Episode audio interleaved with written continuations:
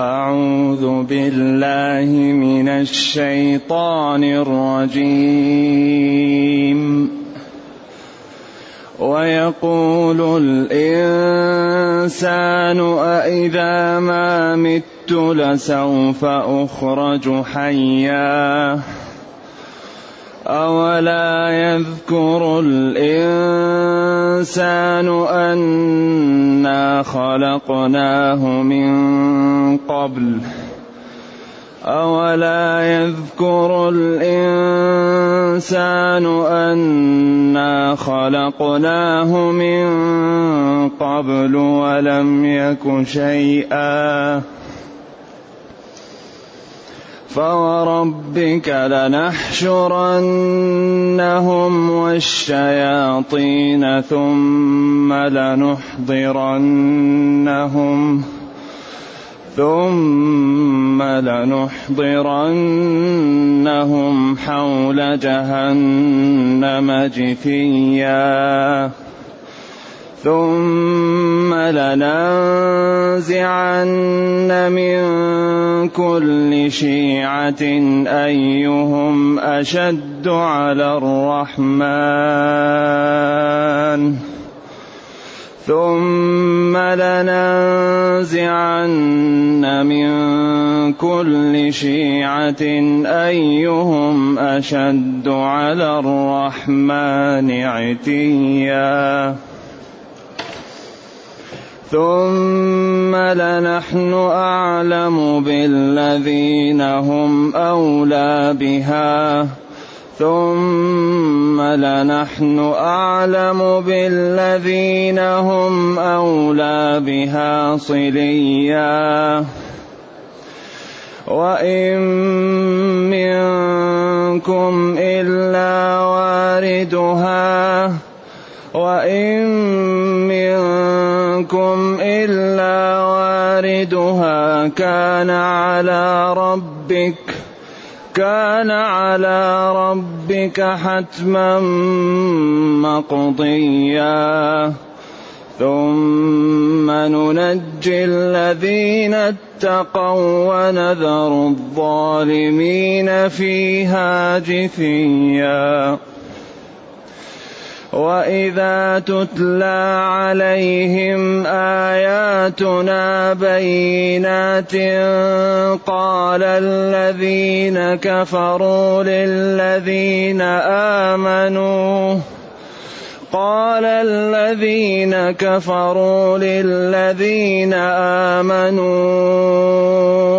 اي الفريقين خير مقاما أي الفريقين خير مقاما وأحسن نديا وكم أهلكنا قبلهم من قرن هم أحسن أثاثا ورئيا قل من كان في الضلالة فليمدد له الرحمن مدا حتى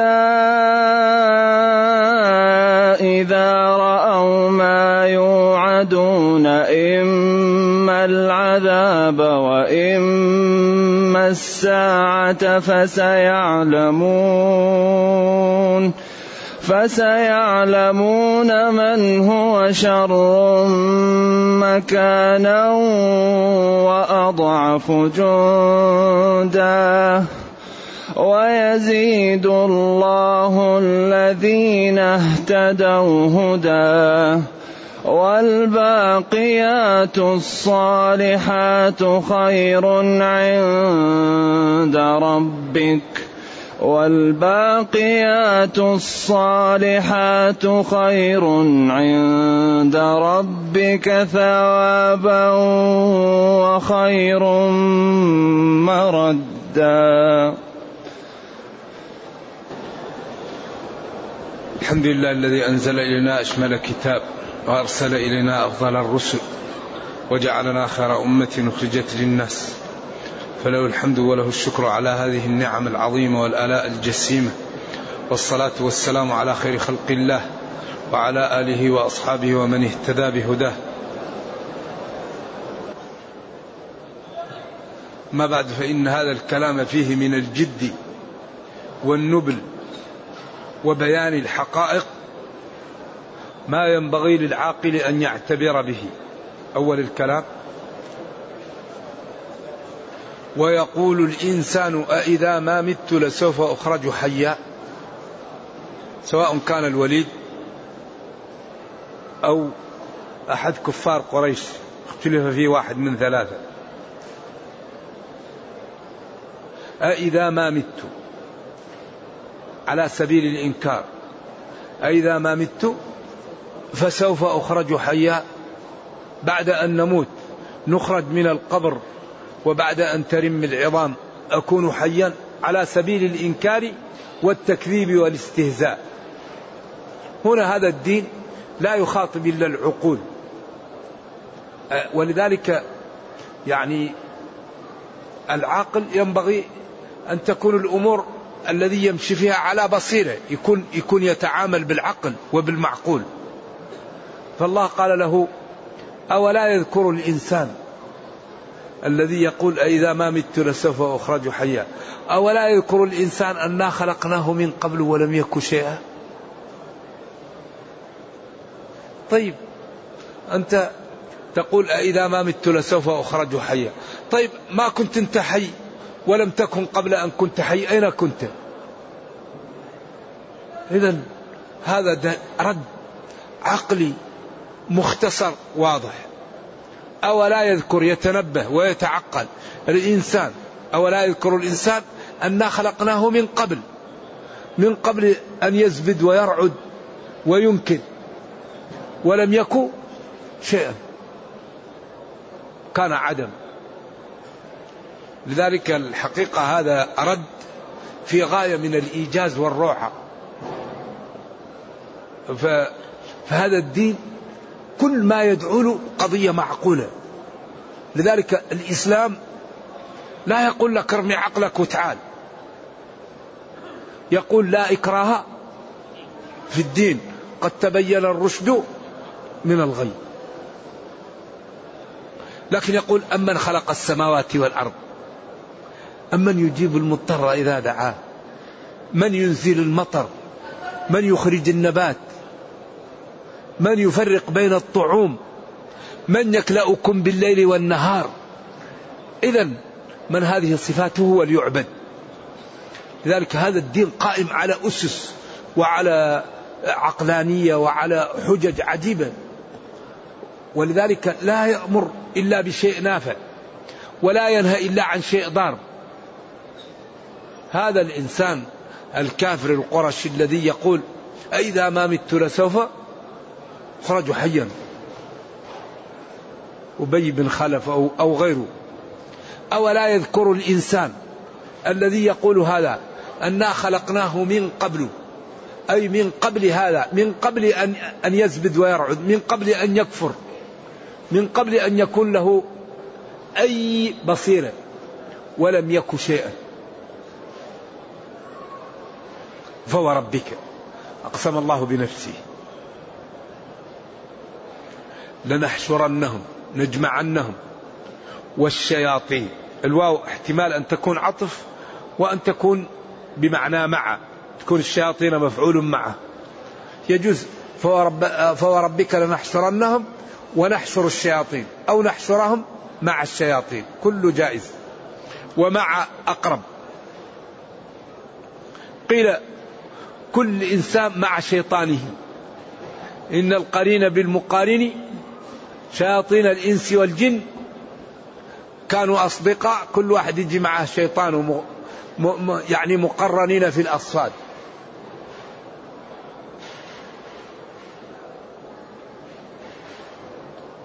فوالله لنحشرن هؤلاء الذين يكفرون ونحشر معهم الشياطين الذين كانوا يساعدونهم في الكفر ويتعاونون عليه.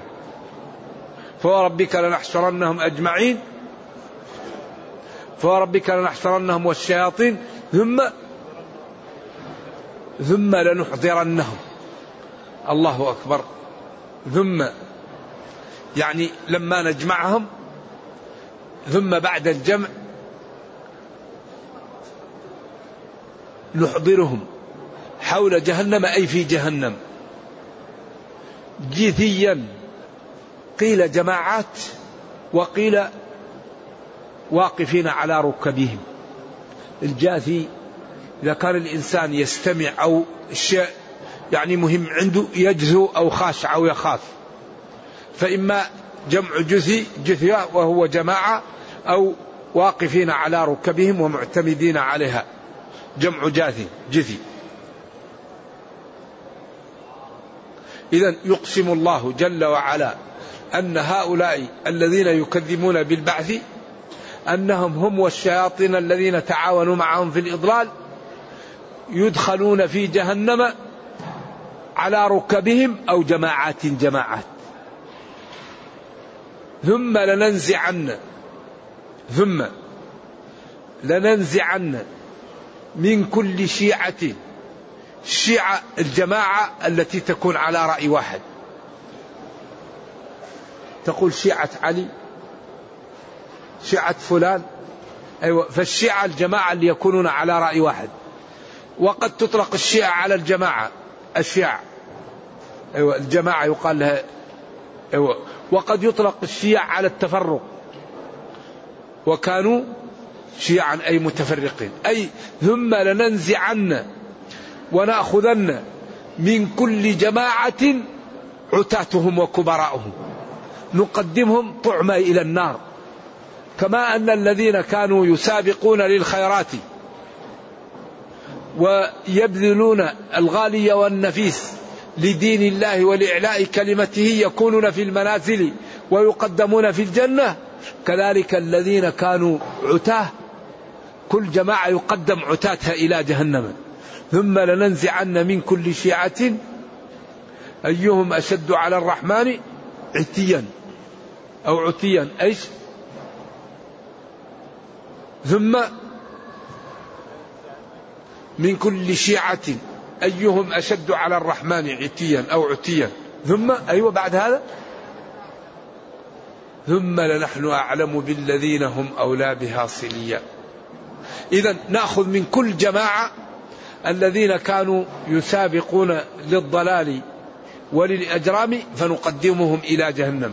أيهم أشد على الرحمن عتيا. أيهم يمكن مرفوعة ويمكن مبنية وأي تكون بمعنى الذي وقد تبنى وقد إيش؟ تعرب. أي كما وأعربت ما لم تضف وصدر وصلها ضمير حذف وبعضهم معرب مطلقا. نعم. أيهم يمكن تكون في محل نصب ويمكن تكون في محل رفع. على الخلاف الموجود هل هي مبنية أو إيش؟ أو معربة. ثم لنحن أي الله. أعلم عالم بالذين هم من الكفار أولى بها أولى بالنار دخولا. صلاها يصلها إذا دخلها وحرق بها. ثم نعلم بالذين بهم أولى بها صليا ثم قال وإن منكم إلا واردها. الله المستعان. إن ما منكم أحد إلا واردها أي النار. كان على ربك حتما أمر حتم مقضي مكتوب. وهنا أقوال للعلماء كثيرة وخلافات. والذي يقتضي الدليل ورجحانه أن الصراط منصوب على متن جهنم. وأن كل الناس تجوز على الصراط فترد جهنم لأنه في متن جهنم. فالذي جعله الله من أهل الخير هذا الصراط إذا مر به جهنم تكون ما فيها حرق له يمر. ولا يحترق ولا يحصل له شيء. والذي عياذا بالله من أصحاب الكفر والضلال عياذا بالله تأخذه كلاليب وأشواك كشوك, السعدان ويروح في جهنم. نرجو الله السلام والعافية. ولما قال نافع بن الأزرق لابن عباس واردها ليس داخلها رد عليه رد قوي موجود في التفاسير مقتضاه أنه أن ابن عباس سيردها ويدخلها ويخرج منها إن شاء الله وأن نافع بن الأزرق إن لم يقلع عن هذا الأمر إذا دخل قد لا يخرج يهددوا بهذا أنه ينبغي ينتبه من هذا الاعتقاد الذي يعتقده. ذكر ذلك البغوي وذكره غيره. إذا وما منكم أحد إلا واردها جهنم. كان على ربك حتما لازما مقضيا مكتوبا في اللوح المحفوظ. فإذا مر الناس بها ننجي الذين اتقوا. اتقوا الكفر واتقوا الكبائر واتقوا ربهم. بامتثال ما أمرهم به واجتناب ما نهاهم عنه. ننجي الذين اتقوا نرفعهم ونبعدهم عن النار. ونذر الظالمين فيها جثيا. يعني جماعات أو على ركبهم جاثين. لذلك هذا اليوم الحقيقة هو أخطر يوم يمر بالإنسان. ما فيه مثل يوم المحشر الناس عراة. ومن يوم ما خلق الله الخلق إلى أن تنتهي الدنيا الناس مجتمعة. وممن يلجمه العرق وممن يغسل ترقوتيه وممن ينصر ركبتيه. والرسل سلم سلم سلم. فلا تسمعوا إلا همسا. أخوف ما يخاف الإنسان في هذا اليوم أن يرى أحدا يعرفه حتى حتى يسلم. في هذا اليوم كل الناس تمر بالصراط. فمن كالبرق ومنه كالخيل ومنه من يحبو حبو ومنه من يأتي وي و ويأتي تعبان لكن ينجو. ومن الناس عياذا بالله إيش؟ من يقع في النار نرجو الله السلام والعافية. والله هذه الأمور غيبية لا نتعدى فيها النصوص. ثم ننجي الذين اتقوا من النار بمرورهم على الصراط المنصوب عليها ونذر الظالمين فيها جاثين على ركبهم أو جماعات جماعات. وإذا تتلى عليهم آياتنا وإذا تقرا عليهم على هؤلاء الكفار. آياتنا الحجج والبراهين والأدلة على وحدانية الله وعلى صدق نبيه وعلى دلالة نبيه على أنه جاء من عند الله. وإذا تتلى عليهم آياتنا قال الذين وإذا تتلى عليهم آياتنا بينات أي واضحات لا لبس فيه قال الذين كفروا للذين آمنوا. أي الفريقين خير مقاما وأحسن نديا. هنا وقفة مع أن الدنيا ليست كالآخرة. أهل الدنيا أكثر ما يتنعم ويتكبر ويتجبر وأهل أهل النار وأكثر ما يخاف ويضعف ويكون من أهل الجنة المساكين. الإنسان الأبله الذي لا في قلبه الشر.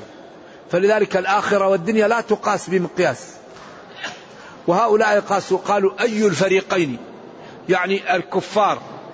ثيابهم جميلة ووجوههم ناضرة وبيوتهم كبيرة ونظيفة ومراكبهم وفي هنا وفي رغد. والمسلمون فقراء ضعاف ناحلون لا مال عندهم. وبيوتهم في أغلبهم حالها الله يعلم به. قالوا اذا نحن في الدنيا أحسن منكم اذا في الآخرة سنكون أحسن منكم. أي الفريقين خير مقاما وأحسن نديا. الندي هو النادي محل الاجتماع إذا كان فيه الناس يقال له الندي والنادي. نعم. ولذلك هؤلاء قال وتأتون في ناديكم؟ المنكر أي الندي والنادي هو محل المجلس إذا كان فيه الناس. إذا ما كان فيه الناس لا يقال له النادي. نعم.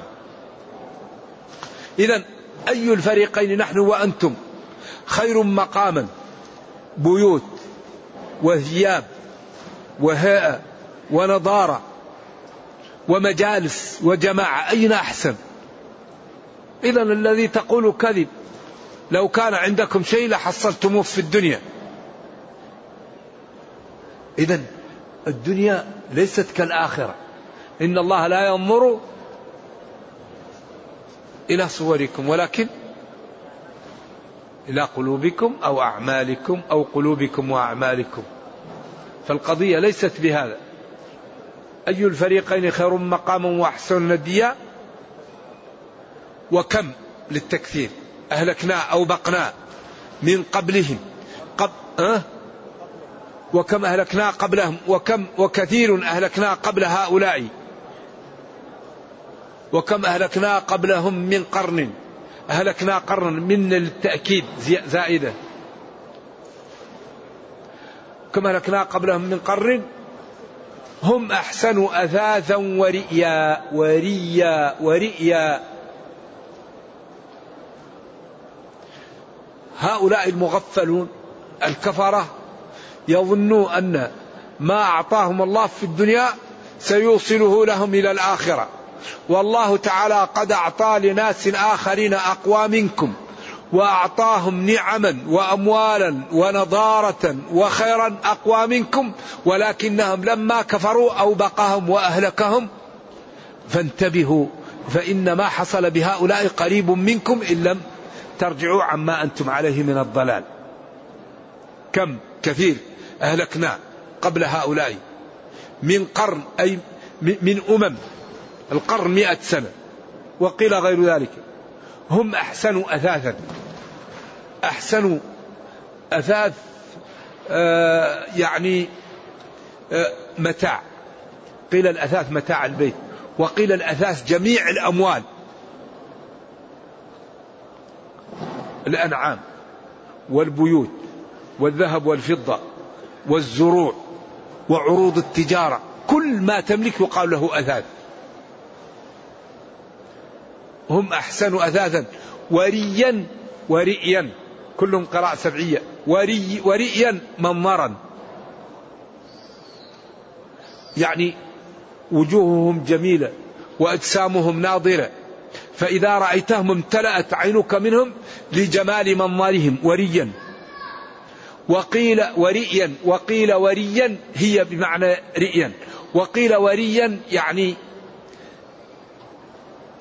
عندهم النعم حتى ارتوت أجسامهم من النعم فأصبح الري والنعمة ظاهرة عليهم. إذا أنتم يا كفار قريش انتبهوا فإن الأمر في غاية الخطورة. تكذبون بالبعث وتكفرون بنبيي وتجعلون النعم التي أعطيتكم دليلا على أنكم ستنالون مثلها في الآخرة وهذا أمر غير صحيح. إذا وقد أهلكنا قبلكم ناس أعطيناهم من الأموال أكثر مما أعطيناكم وأعطيناهم من حسن المنظر وقوة الأجسام أكثر مما أعطيناكم.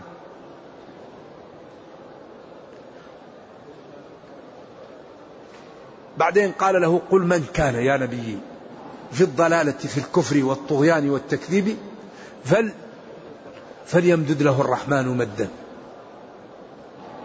لذلك العبد إذا لم يقبل الله يمد له يمد يعطيه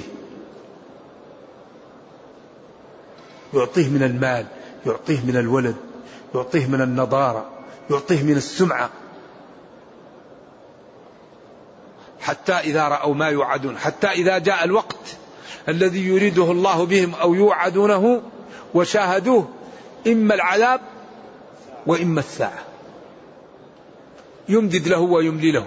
لكن لا بد من أن يأتيه صاعقة أو تأتيه قارعة أو يأتيه كما جاءهم في بدر. قتلت ساداتهم وسبوا وذبحوا وأذلوا. أو إن سلموا وجاءهم الموت فإذا هي النار تنتظرهم. إما العذاب وإما الساعة. وأمران أحلاهما مروا أو هما معا. إما أن يأتيهم عذاب الدنيا وإما أن يسلموا من عذاب الدنيا تأتيهم الساعة وإما أن يأتيهم الجميع. يأتيهم عذاب الدنيا وإذا جاءت الساعة يواصل عذاب الدنيا بعذاب الآخرة. عياذا بالله. فسيعلمون هذا رد عليهم. فسيعلمون هؤلاء الذين يقولون أينا خير مكانا وأحسن نديا. أي الفريقين خير مكانا وأحسن نديا؟ يقول فسيعلمون من هو شر مكانا وأضعف جندا. هؤلاء الذين يقولون هذا عندما يأتي يوم القيامة سيتحققون من هو في المكان السيء ومن هو الضعيف الجند وضعيف الأعوان. فسيعلمون من هو شر مكانا وأضعف جندا. طيب هنا كأنه قال إذا ما الحل؟ ما دام الوضع كذا وهؤلاء قالوا والله هددهم. وبعدين كأن الإنسان يبقى ما الذي نعمل؟ قال تعالى ويزيد الله الذين اهتدوا هدى.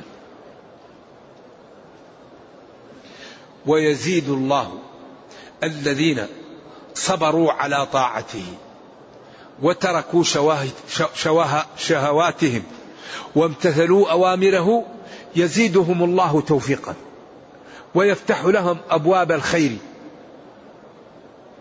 ويغلق عنهم أبواب الشر. هذا هو يزيد الله الذين اهتدوا هدى. إذا صلى يفتح له باب للاستغفار. يفتح له باب للصدقة يفتح له باب للبر يفتح له باب لمشروع خيري يفتح له باب لزيارة مريض يفتح له باب لتوبة. ولذلك الطاعات تدعو للطاعات. كل ما طاع العبد ربه كل ما زاده. إذا صلى ينشرح صدره فيقول الحمد لله الحمد لله. هذه زيادة هدى. إذا راح للسوق وغض بصره يشكر الله وينشرح صدره ويزيد هدى. إذا الطاعات تدعو إلى الطاعات والمعاصي تدعو إلى المعاصي. ويزيد الله الذين اهتدوا هدى. لذلك ما في شيء أنفع للمسلم في هذه الدنيا من الاستقامة. الخلاص في أن يستقيم العبد. بعدين قال والباقيات الصالحات. خير عند ربك ثوابا وخير مردا مرددا ومع هذا الذي ذكر وهذا الذي قيل أحسن شيء يعتمد عليه المسلم ويجتهد فيه ويجعل اتجاهه فيه ويجعل اعتماده عليه هو لا إله إلا الله. سبحان الله والحمد لله ولا إله إلا الله والله أكبر. هذه الأربعة الباقيات الأعمال الفعالات الباقيات الصالحات. هذا هو الربح. هذا الذي ينجي. هذا الذي له ثمره وفائدة وعناؤه قليل. ما فيه عناء. ذكر الله والاستغفار ودعاء الله وحمد الله وشكر الله. هذا لا تعب فيه ولكن مردوده كثير الباقيات. لا إله إلا الله. وما شاك لها من أعمال الخير؟ خير عند ربك ثوابا. أي خير ثوابها تمييز. وخير مردودها يوم القيامة. فلذلك لا عذر لنا بعد هذا البيان. فإن ربنا بين لنا في الكتاب بيان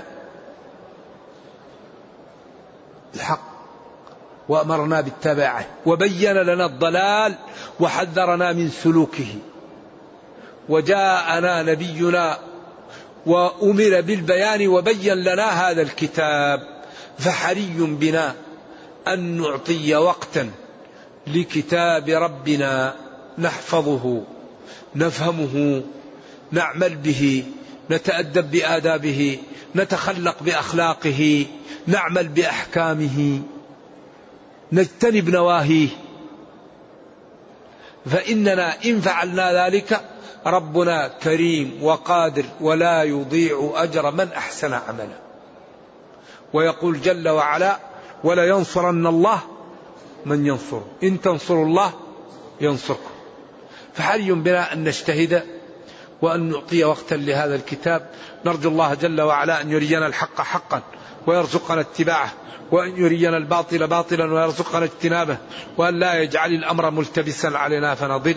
اللهم ربنا أتنا في الدنيا حسنة وفي الآخرة حسنة وقنا عذاب النار. سبحان ربك رب العزة عما يصفون وسلام على المرسلين والحمد لله رب العالمين. والسلام عليكم ورحمة الله تعالى وبركاته. يقول ما حكم دعاء النبي صلى الله عليه وسلم؟ لا يجوز أن يدعى إلا الله. النبي صلى الله عليه وسلم هو الذي قال إذا سألت فاسأل الله. لا يجوز أن يدعى إلا الله. الدعاء هو العبادة. فلا يدعى نبي ولا ولي ولا أي شيء. يدعى الله فقط. نعم. إلا إذا جئت لإنسان تريد منه حاجة بمقدوره. أما الإنسان الذي مات النبي صلى الله عليه وسلم بلغ الرسالة وأدى الأمانة ونصح للأمة وقال اليوم أكملت لكم دينكم. ولذلك بكى بعض الصحابة. قال ما كمل شيء إلا نقص. وقالوا إذا جاء نصر الله هو أجل رسول الله صلى الله عليه وسلم. فالنبي صلى الله عليه وسلم بين لنا. ولذلك قال لا ترفعوا أصواتكم فوق صوت النبي ولا تجهروا له بالقول. وقال إن الذين يغضون أصواتهم عند رسول الله أولئك الذين امتحن الله قلوبهم للتقوى. ولكن قال لا تقدموا بين يدي الله ورسوله. لا تقولوا لحرام حلال ولا لحلال حرام ولا تحكموا بشيء إلا بشرع الله. لا تتقدموا على شرع الله. فأمرنا بمحبته واتباعه وتوقيره ولكن نهانا أن نعطيه حق الله. فالدعاء من خصائص الربوبية. ولذلك قال أمن يجيب المضطر إذا دعاه. وقال قليلا ما تذكرون. حيث تفرقون بين إجابة المضطر وبين خلق الجبال والحق والكل حق خالص لله. فالدعاء لا يصح إلا لله. والذبح لا يصح إلا لله. والنذر لا يصح إلا لله والطواف لا يصح إلا لله والسجود لا يصح إلا لله. هذه أمور لا تعمل للبشر لا تطوف إلا لله. ولذلك لا يطاف إلا بالبيت. طواف هذه عبادة لا تكون إلا بما شرع الله الذبح. الذي يذبح لغير الله لتعظيمه مشكل يذبح لقبر أو لغيره. الذي يدعو غير الله. لذلك ينبغي لنا أن نخلص لربنا. لأن أخطر شيء أن يكون الإنسان على على اعتقاد غير طيب. ولذلك ضروري من أن الإنسان يعرف كيف يوحد ربه. والتوحيد في توحيد الربوبية. تعلم أن كل ما في الكون من الله. وفيه توحيد الألوهية. وكل أعمالك تخلص فيها لله سواء كانت قلبية أو مالية أو بدنية كل عمل تعمله للعبادة يكون لله. هذا يقال له توحيد العبادة وتوحيد الألوهية. لا تذبح إلا لله لا تنذر إلا لله لا تخاف إلا من الله. الخوف الجبلي ما هو بيدك لكن تخاف من إن الولي يعمل لك شيء هذا خطر. الولي يقول لك أنا سأفعل لك. أفعل لي إن كنت تعمل. لا ينفع ولا يضر إلا الله. لا تظلم ولا تخف. وتوحيد الأسماء والصفات وهو أركانه ثلاثة. تصديق الله وتنزيهه وقطع فكرك عن إدراك كيفية اتصاف الله تعالى بصفاته. فما قاله الله نقله. وما نفاه ننفيه وما سكت عنه الوحي نسكت. وهذا بينه الله في القرآن بيان لا وراء وراءه. ولذلك أول أمر في المصحف اعبدوا ربكم. وأول نهي في المصحف فلا تجعلوا لله أندادا. وهذا معنى لا إله إلا الله مفرقة بأدلتها. ثم جاء بعدها برهان محمد رسول الله عن طريق الإقناع. وعن طريق الإنصاف. وعن طريق مخاطبة العقول النيرة. فقال جل وعلا وإن كنتم في ريب مما نزلنا على عبدنا فأتوا بسورة ما قال فقد كفرتم إذا هذا الدين قائم على أسس لا يقاوم أبدا. إلا بما لا؟ إلا بأن يجهل المسلمون أو لا يسمح لهم بأن يبينوا الإسلام. هذا الذي يقاوم به الإسلام.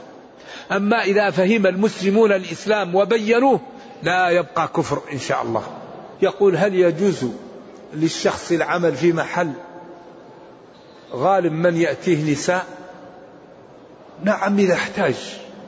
وصار صاحب دكان يكون في المحل ويبيع ويغض بصره ويكف لسانه عما لا ينبغي ويكون كل من جاه يأخذ جرعة في الدعوة. يغض بصره ولا يتكلم كلام غير طيب. وإذا راى حراما أمر بمعروف بسهل وإذا رأى منكرا نهى عنه برفق ويكون في الدكان ويمتلئ من المال ويمتلئ من الحسنات. لكن الذي يكون في هذا الدكان ويقول فرصة ويحاول يعمل أمور لا تجوز هذا لا يجوز. وإنما الأعمال بالنيات. من جاء ليسد حاجته ويكون قلبه طاهر ولا يبتعد ولا يخلو ويجعل بينه وبين إذا كان الدكان ما معه في حد المحل اللي فيه لا تدخله تكون برا. إذا أرادت تأخذ شيء يأتيها به من برا ما يسمح لهن بالدخول داخل إلا إذا كنا معه نساء. أما الوحدة الحالة يقول لها تأتي معك بغيرك. ويجد الأجر. ولذلك الدين يسر. كان فيه نساء برزات امرأة برزة. المرأة إذا احتاجت تبيع وتشتري. لكن تكون متسترة ومتبذلة وغير متعطلة ولا تمشي في الطريق. إذا احتاجت المرأة تروح تبيع وتشتري لها لكن لا تخلو بالأجانب ولا تمشي متجملة ولا متعطلة وتمشي متأدبة. والأولى أنها تمشي معها بإيش؟ بمحرم. إذا كان السوق بعيد أو يخاف منه. أما إذا كان في داخل البلد فالأمر سهل. نعم المهم أن الدين يسر.